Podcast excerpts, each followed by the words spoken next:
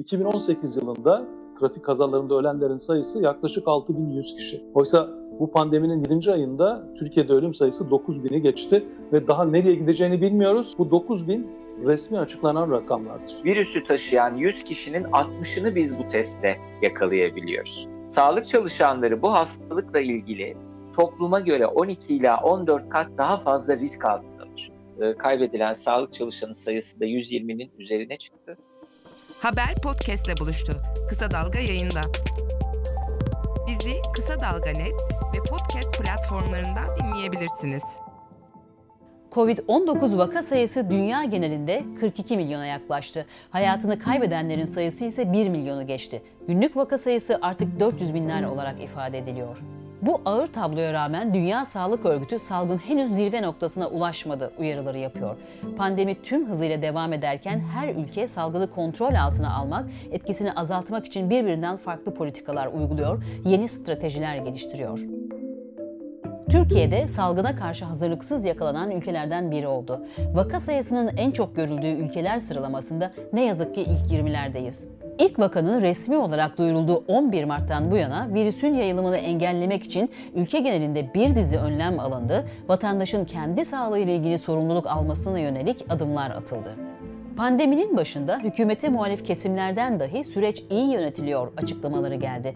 Özellikle bilim kurulu oluşturulması, Çin'den uçakla getirilen Türk vatandaşlarının 14 gün boyunca karantinada tutulması ve okulların ivedilikle kapatılması doğru hamleler olarak değerlendirildi.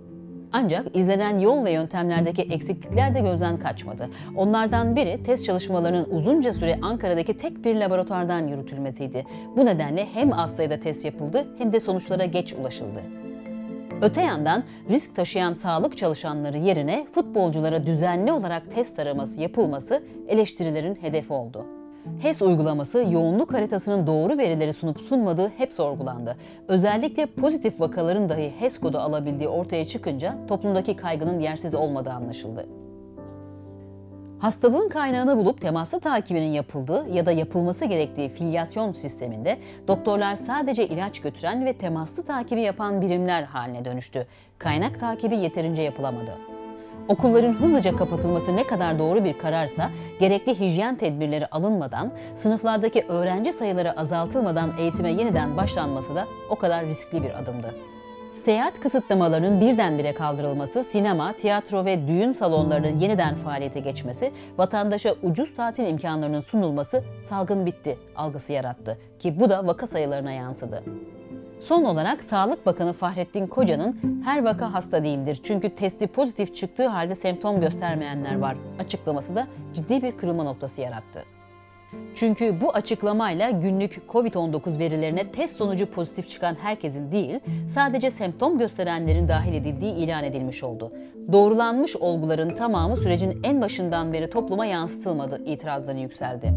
Bu açıklamanın yankıları sürerken İngiltere, Türkiye'yi seyahat koridoru listesinden çıkararak karantina uygulanacak ülkeler arasına aldı.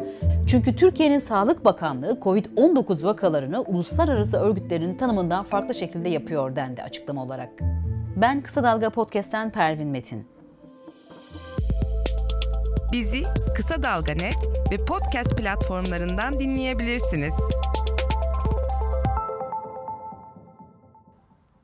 İlk resmi vakanın açıklandığı tarihten bu yana Türkiye salgınla mücadele sürecini nasıl yönetti ve ne kadar başarılı oldu? Yapılması gereken neler yapılmadı ya da hangi kritik yanlışlara imza atıldı? HES'le kimler kayıt altında tutuluyor, veriler ne kadar güvenli ya da vatandaş için ne kadar caydırıcı? Filyasyon sistemi vaka sayılarının artışının önüne geçebildi mi? Eğitimin yeniden başlaması okulları salgını yayan yeni kaynaklar haline mi dönüştürdü? Türkiye'nin pandemiyle sınavını Türk Tabipler Birliği COVID-19 İzleme Kurulu üyesi, Halk Sağlığı uzmanı doçent doktor Cavit Işık Yavuz ve Profesör Doktor Kayahan Pala ile değerlendirdik. Ulaştığımız Sağlık Bakanlığı Bilim Kurulu üyeleri röportaj taleplerimizi reddettiği için onların daha önce yaptığı açıklamalara yer vereceğiz. Doçent Doktor Cavit Işık cevaplıyor.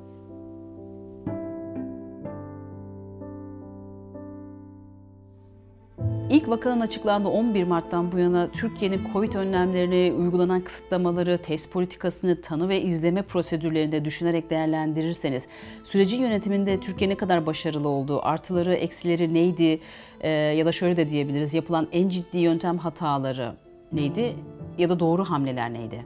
İşte Sağlık Bakanlığı'nın ifade ettiğine göre, ifade edildiğine göre de bir kurul oluşturuldu. Bakanlıkta bir operasyon merkezi aktif hale e, getirildi. Bunlar elbette ki olumlu yönler. Yani bir erken hazırlık meselesinin Türkiye'de başladığını e, söyleyebiliriz. Doçent Doktor Yavuz, pandeminin başında Covid testlerinin uzunca bir süre sadece Ankara'daki tek bir laboratuvardan yürütülmesini yapılan ciddi hatalardan biri olarak görüyor. Türkiye uzun süre tek bir merkezden hastalık testlerini yürüttü. Ankara'daki Halk Sağlığı Genel Müdürlüğü'ne bağlı bir laboratuvarda yürütüldü hı hı. ve çok az sayıda test yapıldı. Daha çok da işte yurt dışı bağlantılı olduğu söylenen e, hani vakaların ya da şüphelilerin testi e, yönüne gidildi. İşin ilginç yanı vaka sayısı artmasına rağmen bu hani hiç de azımsanmayacak bir süre böyle devam etti. Sonra e, sayı arttırıldı 3 merkeze, 5 merkeze ama yine hani bölgelerin belli merkezlerinde ve illerde işte numune alınıp bu merkezlere iletilmesi ve burada test edilmesi şeklinde yürütüldü. Bu hastalıkla mücadelede önemli noktalardan bir tanesi virüsü taşıyan kişileri bulmak, onları bir an önce izolasyona almak ve bu virüsü taşıyan kişilerin yakın temas ettiği insanları bularak onları da karantina altına almak. Kaldı ki testle ilgili de yöntem tartışmaları hala sürüyor. Yani yapılan, yaptığımız test de tanı değeri yüzde 60'larda olan bir test. Yani virüsü taşıyan 100 kişinin 60'ını biz bu testle yakalayabiliyoruz. Virüsü taşıdığı halde 40 kişiyi yakalayamıyoruz. Ancak elimizde başka bir tanı testi de yok. Sağlık Bakanlığı'nın açıkladığı kadarıyla Türkiye genelinde 230'un üzerinde yetkilendirilmiş laboratuvar var bu testi yapabilen. Ayrıca birkaç ay öncesinde Sağlık Bakanlığı'ndan test yapma yetkisi almış özel e, hastane laboratuvarları ya da özel laboratuvarlarda test yapabiliyor. Ki e, şu andaki rakam yaklaşık %25-30 arası özel sektörde test meselesine girmiş oldu. Test kapasitesini ve bu testlerin kimlere yapıldığını, yapılması gerektiğini doçent doktor Yavuz anlatıyor. Bu testleri kimlere yapıyoruz bunu bilmiyoruz. Yani açıklanan 117 bin test günde 117 bin kişi anlamına gelmiyor. Niye gelmiyor? Bir, mükerrer yapılan testler var. İki, Türkiye'de bu süreç içerisinde gördük ki bazı gruplara düzenli test yapılıyor. Söylediğinize ilişkin olarak şimdi bazı haberler okuduk. Mesela futbol takımındaki tüm görevlilere, çalışan herkese 8 kez test yapılmış ayda. Ya da bir politikacının açıklaması ayda 8 kere test yapıl e, oldum ve bunlardan birinde pozitif çıktım diyor. Ayda 8 test. Yani şimdi bunun kuluçka süresinin 14 gün olduğunu da düşünürsek ayda aslında iki kez yeterli. Bu konuda aslında resmi bir açıklama yok. Dolayısıyla düzenli tarama denilen e, düzenli test yaptırma meselesi hangi gruplara neden yapılıyor? Örneğin futbolculara yapıldığını biliyoruz. Çünkü Futbol Federasyonu bu konuda bir açıklama yaptı ya da futbol takımları açıklamalar yapıyorlar. İşte şu kadar oyuncumuz pozitif çıktı vesaire oldu diye. Evet futbol karşılaşmaları yakın temas olduğu için bir risk olarak görülebilir ve futbolcularda bir risk grubu olarak değerlendirilebilir belki bir ölçüde. Ancak o zaman diğer risk gruplarına niye yapmıyoruz? Örneğin sağlıkçılar, sağlık çalışanları bu hastalıkla ilgili topluma göre 12 ila 14 kat daha fazla risk altındadır. Özellikle COVID servislerinde çalışan, COVID polikliniklerinde çalışan, COVID hastası bakan sağlıkçılara düzenli test taraması yapılmıyor. E, futbolcular risk grubu da sağlık çalışanları risk grubu değil mi o zaman? Türkiye Büyük Millet Meclisi'nde düzenli test yapıldığını hani okuduk, gördük bir resmi açıklama yapılmadı ama e, bu bunları gördük ya da e, bildiğim kadarıyla Cumhurbaşkanlığı personeline yapıldı. Bunu da bir resmi yetkili açıkladı. Şimdi hani böyle bir e, anlaşılmaz bir durumla karşı karşıyayız. Bu taramalara hangi risk düzeylerine göre karar veriliyor? Neye göre karar veriliyor? Örneğin farklı aslında bulaşıcılık açısından risk grupları var. Çok fazla sayıda temas eden insanlarla çalışan gruplar var. Hani bunları ara ara toplumdaki bulaşıcılığı da anlamak için biz test yaparak ya da bir özel çalışma yaparak hem durumu görmek hem orada yakaladığımız vakaları kontrol altına almak gibi bir stratejimiz var mı yok mu bilmiyoruz. Ancak birkaç ay öncesinde Sağlık Bakanlığı rehberinde bir değişiklik yaptı ve temaslılardan bazı e, gruplara test yapılabilme olanağı getirdi. Bunun öncesinde bu da yoktu. Yani bir virüsü taşıyan bir kişiyle yakın temas etmiş kişilere de biz işte birkaç ay öncesine kadar test yapamıyorduk. Şu anda bu bir miktar daha hani iyileşti en azından belli kriterler getirerek temasları da test kapsamına e, almış olduk. Şu ana kadar e, 50 doktor hayatını kaybetti sanırım değil mi? Yanlış anımsamıyorsam 52'yi de bulmuş olabilir. Toplam sağlık çalışanı e, kaybedilen sağlık çalışanı sayısı da 120'nin üzerine çıktı. Bu TTB'ye ulaşan bilgiler tabii. Sağlık Bakanı'nın e, bir hafta 10 gün önce yaptığı bir açıklamada da e, e PCR testi yani bu tanı testi pozitif olan sağlık çalışanı sayısının 40 binin üzerinde olduğunu e, ifade etti. E, bu, bu sayı Eylül başında 29.865'te. Bu verdiğiniz rakamlar da aslında sağlık çalışanlarına ya da hastalarla doğrudan muhatap olanlara, filyasyonlara katılanlara rutin test yapılmasının ne kadar önemli olduğunu, yapılması gerektiğini de gösteriyor aslında. Sağlık çalışanları içerisinde doğrudan COVID hastalarıyla yüz yüze gelen grupları elbette ki öncelemek. Çünkü burada şöyle bir anlam ve önemi de var bu işin. Önümüzdeki aylarda sonbaharla beraber hani hele hele yükselişe geçtiğimiz bir dönemde sağlık çalışanlarının korunması sizin için çok stratejik bir konu. Çünkü hani artan vakalara hizmet verecek elinizde sağlık çalışanı yeterli sayıda bulamazsanız sağlık sisteminizin zorlanma ve daha da hani e, yorulma e, olasılığı yüksek. Bir gazeteciydi sanırım. E, Covid e, pozitif ve 6. gününde HES kodu alabildim diyor. Yani istediğim her yere gidebilirim diyor artık. Yani hani bu sistemin açığını göstermek için denemiş ve almış, yapabilmiş. Bunları da düşünürsek evet. ne kadar güvenilir ya da e, ne kadar işe yarıyor? Hani biz aslında bütün vakaları açıklamıyoruz. Belirtisi olan hastaları ve hastaneye yatıranları açıklıyoruz. Açıklamasından sonra Türkiye'de gerçek durumun ne olduğunu tam olarak hani o ana kadar da zaten çok bilmiyorduk ama o açıklama biraz adını koymuş oldu gerçek durum belirsizliğini koruyor. Hani HES uygulaması bu anlamda ne kadar iyi işliyor, işlemiyor bu konuda da çok e, net verilere dayalı bir şey söylemek mümkün değil. Ama şunu biliyoruz, filyasyon ekipleri dediğimiz yani hem vakalara hem temaslılara gidip onları evlerinde izleyen e, ekipler e, hani bu HES kodu uygulaması ya da o kişilerin kayda girmesi konusunda e, ellerinden gelen gayreti gösteriyorlar. Ancak şimdi verilerin açıklanması meselesiyle ilgili böyle bir belirsizlik varken ister istemez HES sistemiyle de ilgili e, farklı soru işaretleri doğmuyor değil aslına bakarsan. Hayata kulak ver. Kulağını sokağa aç. Haberi duy. Haber podcastle buluştu. Kısa Dalga Podcast. Her vaka hasta değildir. Çünkü testi pozitif çıktığı halde hiçbir semptom göstermeyenler var ve büyük çoğunluğu bunlar oluşturuyor. İz sürücüler olan filyasyon ekiplerimiz ağırlıkla bunları tespit ediyor. Bu kişilere asemptomatik pozitifler diyoruz. Bunların salgın açısından önemi bulaştırıcı yani taşıyıcı olmalarıdır.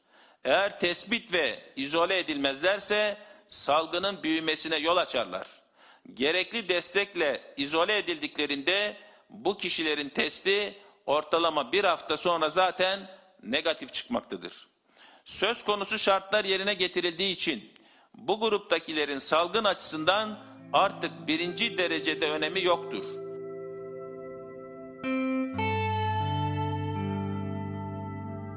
Sağlık Bakanı'nın bu açıklaması salgında kırılma noktalarından biriydi diye düşünüyorum. E, o vakte kadar hatırlarsanız aslında Türkiye'de açıklanan vakalardan hani çok daha fazla hasta ve vaka olduğunu özellikle sağlık çalışanları, tabip odaları, Türk Tabipleri Birliği ifade ediyordu. Çünkü etrafımıza baktığımızda gördüğümüz hasta yoğunluğu rakamları çok çok aşan bir manzara oluşturuyordu. ve hani bu resmi açıklamayla bunun adı konmuş oldu. Ancak bu geçmişe yönelik olarak da soru işaretleri yarattı. Elbette ki hasta sayısını açıklamak da önemli bir veridir. Yani bu verinin anlamsız olduğu anlamına gelmiyor. Onun da bir anlam ve önemi vardır. Ancak salgının boyutunu eksik gösterir. Daha doğrusu bütün boyutunu göstermeyen, sadece belli bir boyutunu gösteren bir noktayı e, açıklamış olursunuz. Şunu sormak istiyorum. Şimdi e, İngiltere Bakanı Türkiye'yi e, karantina uygulanacak ülkeler arasına ekledi ve şu açıklamayı yaptı. Türkiye'yi listeden çıkarıyoruz çünkü Türkiye'nin Sağlık Bakanlığı COVID-19 e, vakalarını e, uluslararası örgütlerin tanımından farklı şekilde tanımlıyor. Bu nedir e, uluslararası örgütlerin tanımı? Ona bir e, açıklık getirelim mi?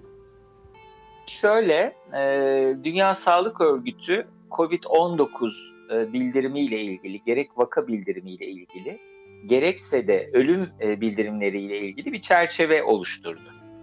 Aslına bakarsanız bütün ülkeler Dünya Sağlık Örgütü'ne sadece test pozitif vakaları bildiriyorlar. O konuda Türkiye'nin de ayrı bir şey yok. Yani özellikle en önemli sıkıntılardan bir tanesi ölüm bildiriminde.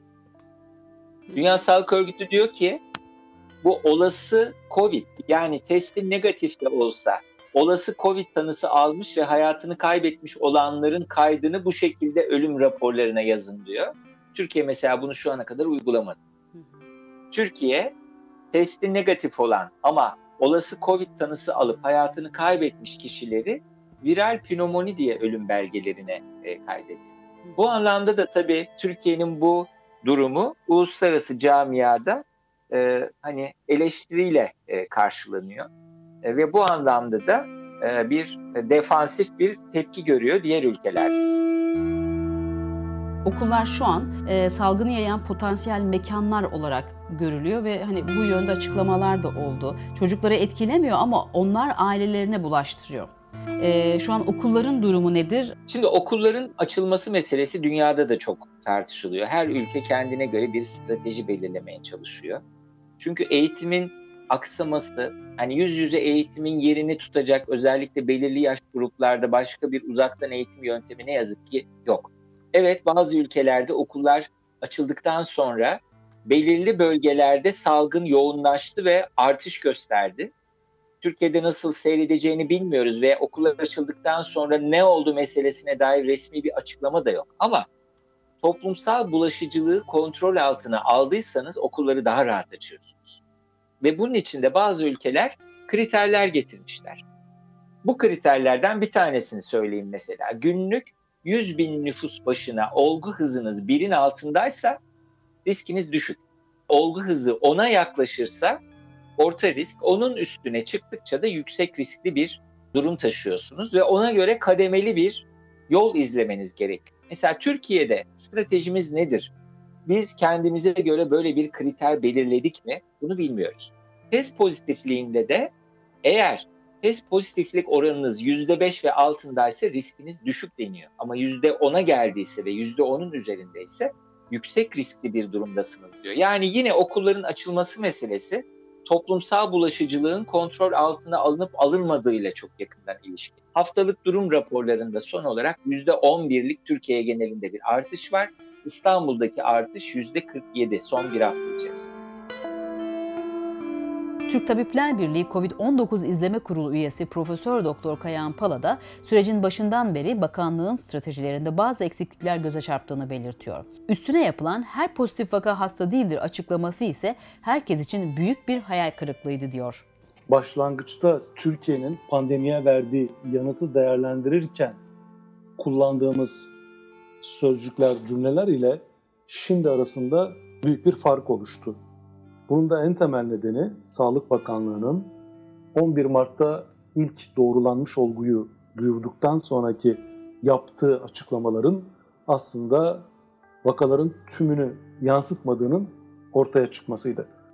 Özellikle Türk Tabipleri Birliği'nin ısrarlı gözlemlerini dile getirmesinin ardından bazı valiler, bazı belediye başkanları ve bazı sağlık müdürlerinin de bu açıklamaya katılmalarıyla birlikte aslında Nisan ayından beri doğrulanmış olguların tamamını topluma ve Dünya Sağlık Örgütü'ne bildirmediğini Yalnızca kendisinin uygun bulduğu ve adına hasta dediği e, bir semptom gösterenlerin e, bildirildiğini açıklamış oldu ki bu bizim açımızdan e, gerçekten büyük bir hayal kırıklığıydı.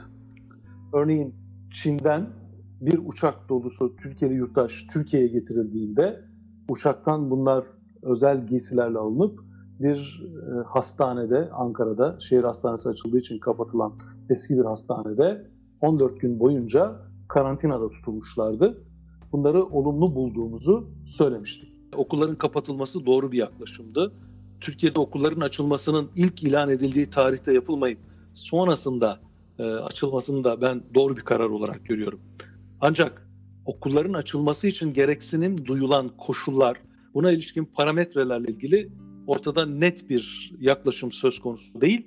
Açıklananların da yerine getirilmemesi bugün itibariyle okulları da Türkiye'de salgının e, yeni kaynakları biçimine dönüştürme potansiyeline sahiptir. Bir örnek vereyim. Örneğin Sağlık Bakanlığı rehberinde okullar açılırken bir derslikte en fazla 15 öğrencinin bulundurulması gerektiğinden söz ediliyor. Oysa ne kamu okullarında ne de özel okullarda bizim gözlemlerimiz, bize ulaşan bilgiler henüz 15 öğrenciye kadar bir azalma olmadığını çok net ortaya koyuyor. Özellikle kamu okullarında yeterince dezenfektan malzeme sağlanması ve okulların belirtilen sıklıklarla e, temizlenebilmesi yaklaşımında da eksiklikler oldu. Okullar açıldıktan bir hafta sonraki döneme bakacak olursanız bize ulaşan bilgiler e, özellikle İstanbul, Bursa gibi kentlerde de e, okullarda görülen olguların özellikle çocuklar düzeyinde değil ama o çocuklar sayesinde birlikte yaşadığı insanları etkilemiş olabileceğini e, bize gösteriyor. Profesör Doktor Pala, salgınlarla baş etme mücadelesinin hastanelerde değil, temel olarak sahada verilmesi gerektiğine inanıyor. Adı filyasyon ama uygulamada değil diye değerlendirdiği sistemin sorunlu taraflarını anlatıyor. Sahada verilmesinden kastımız şudur. İyi bir kaynak bulma ve temaslı takibini yapmanız gerekir. Evet, filyasyon dediğimiz uygulama. Özellikle e, filyasyon terimini tercih etmedim. Çünkü adı filyasyon olan ama uygulama filyasyon olmayan bir yaklaşımla karşı karşıyayız Türkiye'de. Biraz temaslı takibi yapar duruma düştüler. Oysa daha en başından biz hastalığın kimden bulaştığının kaynağını bularak özellikle süper bulaştırıcılar denilen kaynaklara daha fazla önem göstererek o kaynakların başka insanları bulaştırmasının önüne geçmemiz gerekirdi.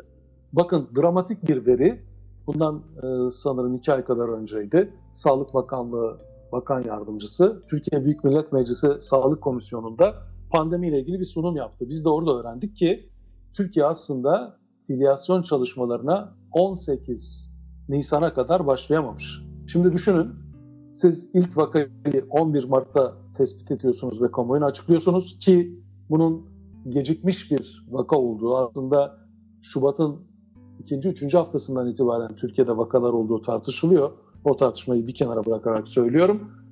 Bu 11 Mart'tan ancak 5 hafta sonra sahaya filyasyon ekiplerinizi çıkartabiliyorsunuz. Hem kaynak bulmada hem de temaslı takibinde çok geç kalındığını gösteren önemli bir sorun.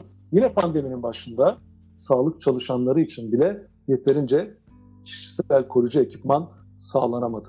Bir başka önemli sorun ise bakanlık bir tek bakanın ağzından bazı bilgileri onun e, Twitter hesabından duyurmayı tercih etti. Bu süreçte ne merkezi olarak ne de yerel düzeyde ne tabip odaları diğer ne de diğer meslek örgütleri bu sürece alınmadı, katılım sağlanamadı. Peki sağlık iletişiminin eksikliği vatandaşın hastalığın ciddiyetiyle ilgili algısını nasıl etkiledi? Sağlık iletişimi yetersiz kalınca yurttaşın bu hastalıkla ilgili algısı da maalesef düşük kaldı. Öyle ki Haziran başında hükümet insanlara ucuz kredilerle tatil olanağı sağlamaya dönük girişimlerde bulundu. Şimdi ucuz krediler vererek siz tatil olanağı sağlamaya çalışırsanız vatandaş da ister istemez sanki ciddi bir sorun yokmuş gibi bir algıya kapılabilir. Nitekim de öyle oldu. Türkiye'deki erken açılma ve her yerin hemen hemen birdenbire açılması vatandaşta ciddi bir sorunla karşı karşıya değiliz algısı oluşmasına katkıda bulundu.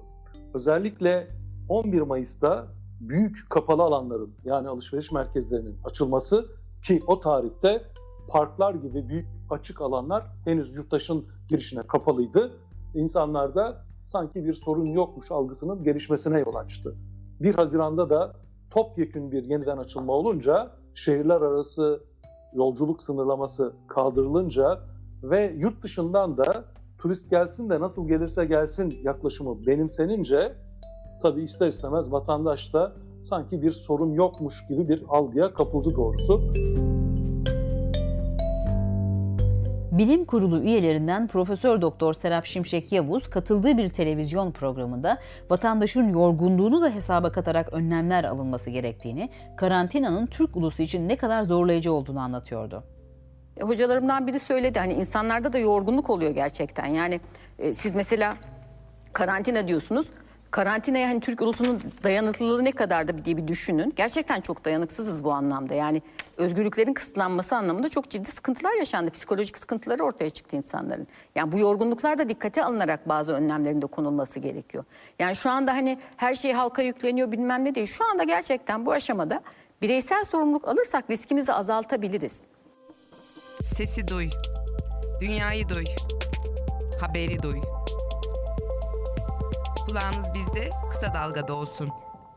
Hastalık bulaşını engellemek için genel bir kapanma tedbiri alınmalı mıydı ve bu süre ne kadar olmalıydı? Profesör Doktor Pala'ya göre kuluçka süresini 2 ile çarpmak gerekiyor.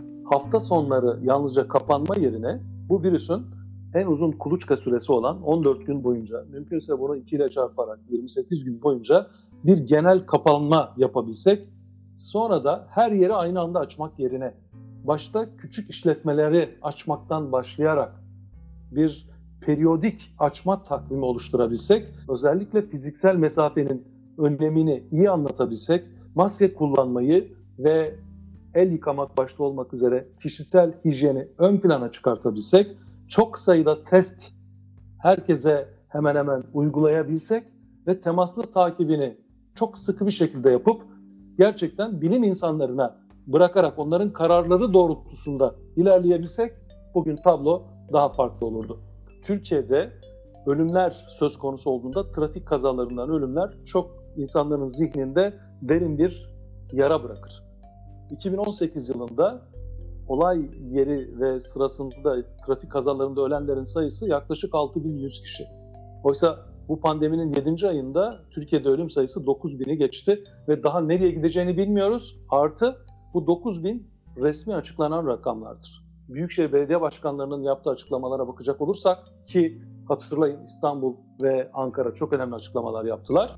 Aslında bu hastalık sırasında ölüm belgesine bulaşıcı hastalık yazılarak defnedilen daha fazla sayıda insanın var olduğunu da biliyoruz. Ölümler bu kadar yüksekken ağır hastalar, yoğun bakımda yatanlar, entübe edilenler, hastanede yatmak zorunda kalanlar bu kadar hızla artarken maalesef biz e, ticari bir takım e, endişelerin daha ön plana çıkıyor olması nedeniyle ki bizzat Sağlık Bakanı da bunu sosyal medya hesabından paylaştı. Yeterince sorunun ciddiyetini anlatmakta başarılı olamadık gerçekten de. Bilim Kurulu üyelerinden Profesör Doktor Tevfik Özlü de daha önce yaptığı açıklamalarda vatandaşın mevcut riski kavrayıp kendi tedbirlerini almasının önemini vurguluyordu. Dünyada 400 binleri aştı vaka sayıları ki bu daha önce görülmemiş rakamlar. Yani trend artış yönünde hızla devam ediyor. Bir durgunlaşma, bir plato bile oluşmuş değil. Tabii önümüzde güz ve kış mevsimi olduğu için bu artışın daha da devam etmesinden korkuyoruz doğrusu. Bu ev içi toplamalar dışında da restoranlar, kafeler gibi yerlerde oluyor, mağazalarda oluyor. Mutlaka denetlenmesi lazım. Sanıyorum bu denetimler artık eskiye göre daha sık yapılacak ve yaptırımlar da uygulanıyor. O bakımdan ev dışı ortamları e, kontrol etmek mümkün olacak diye düşünüyorum ben. Ama ev içi kontroller zor. Burada sosyal sorumluluk duygusu, vatandaşlık, yurttaşlık bilinci gerekiyor yani asıl olan bu. Da salgının %60'ını aşağı yukarı İstanbul oluşturuyordu. Ee, geldiğimiz noktada tekrar İstanbul tepeye oturmuş gibi duruyor şu anda. Çok dikkatli olmakta fayda var. Sadece maske, mesafe, hijyen değil. Dördüncü bir tavsiye var. Kapalı alanlarda kalabalıklara girmemek gerekiyor. Bu da çok önemli. Şu anda asıl bulaşmanın nedeni bu gibi görünüyor. Maskesiz ya da maskesini çenesinin altına indirmiş, burnunun altına indirmiş yolcular toplu taşımada bulunmamalı. Bunu mutlaka sağlamalıyız. Uzun süre yolculuk yapıyorsunuz. Orada maske kadar koruyucu bir şey kalmıyor. Çünkü mesafe yok, temas var. Yani orada o işe uymayan kim varsa ciddi şekilde cezalandırılmalı yani bu önemli. Maskeni tak, mesafeni koru, kalabalıklara girme, hayatını yaşa eskisi gibi yapabildiğin her şeyi yap. Vatandaş maske kullanımının önemini algıladı mı ya da yeterince anlatıldı mı?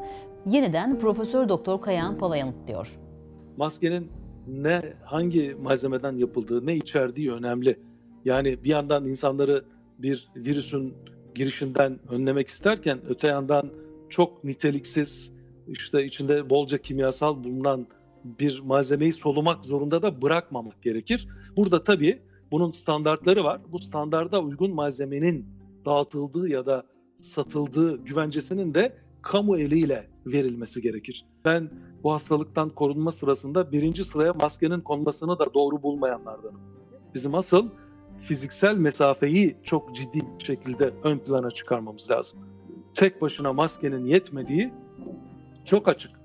Bugüne kadar Türkiye'de 50'nin üstünde hekim hayatını kaybetti bu hastalıktan. Hepsi de maske takıyorlardı.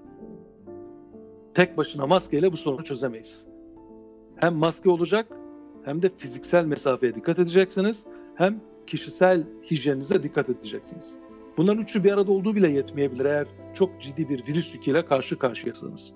Ama maske takın, devam edin. Kapalı alanlarda bir sıkıntı yoktur anlamına gelecek bir yaklaşımı da ortadan kaldırmamız gerekir. Buradaki asıl mesele sağlık okuryazarlığını artırabilmiş olmaktır. Türkiye uzun yıllardır sağlık okuryazarlığının çok düşük olduğu ve bu konuda ciddi çaba tüketmeyen ülkelerden bir tanesi. Yani arabaya bindiğinde emniyet kemeri takmak yerine endüstride işte 3 liraya 5 liraya alınan emniyet kemeri tokaçlarını koyarak alarmı kesmeyi tercih eden bir anlayışa sizin maske taktırmanız kolay bir şey değil.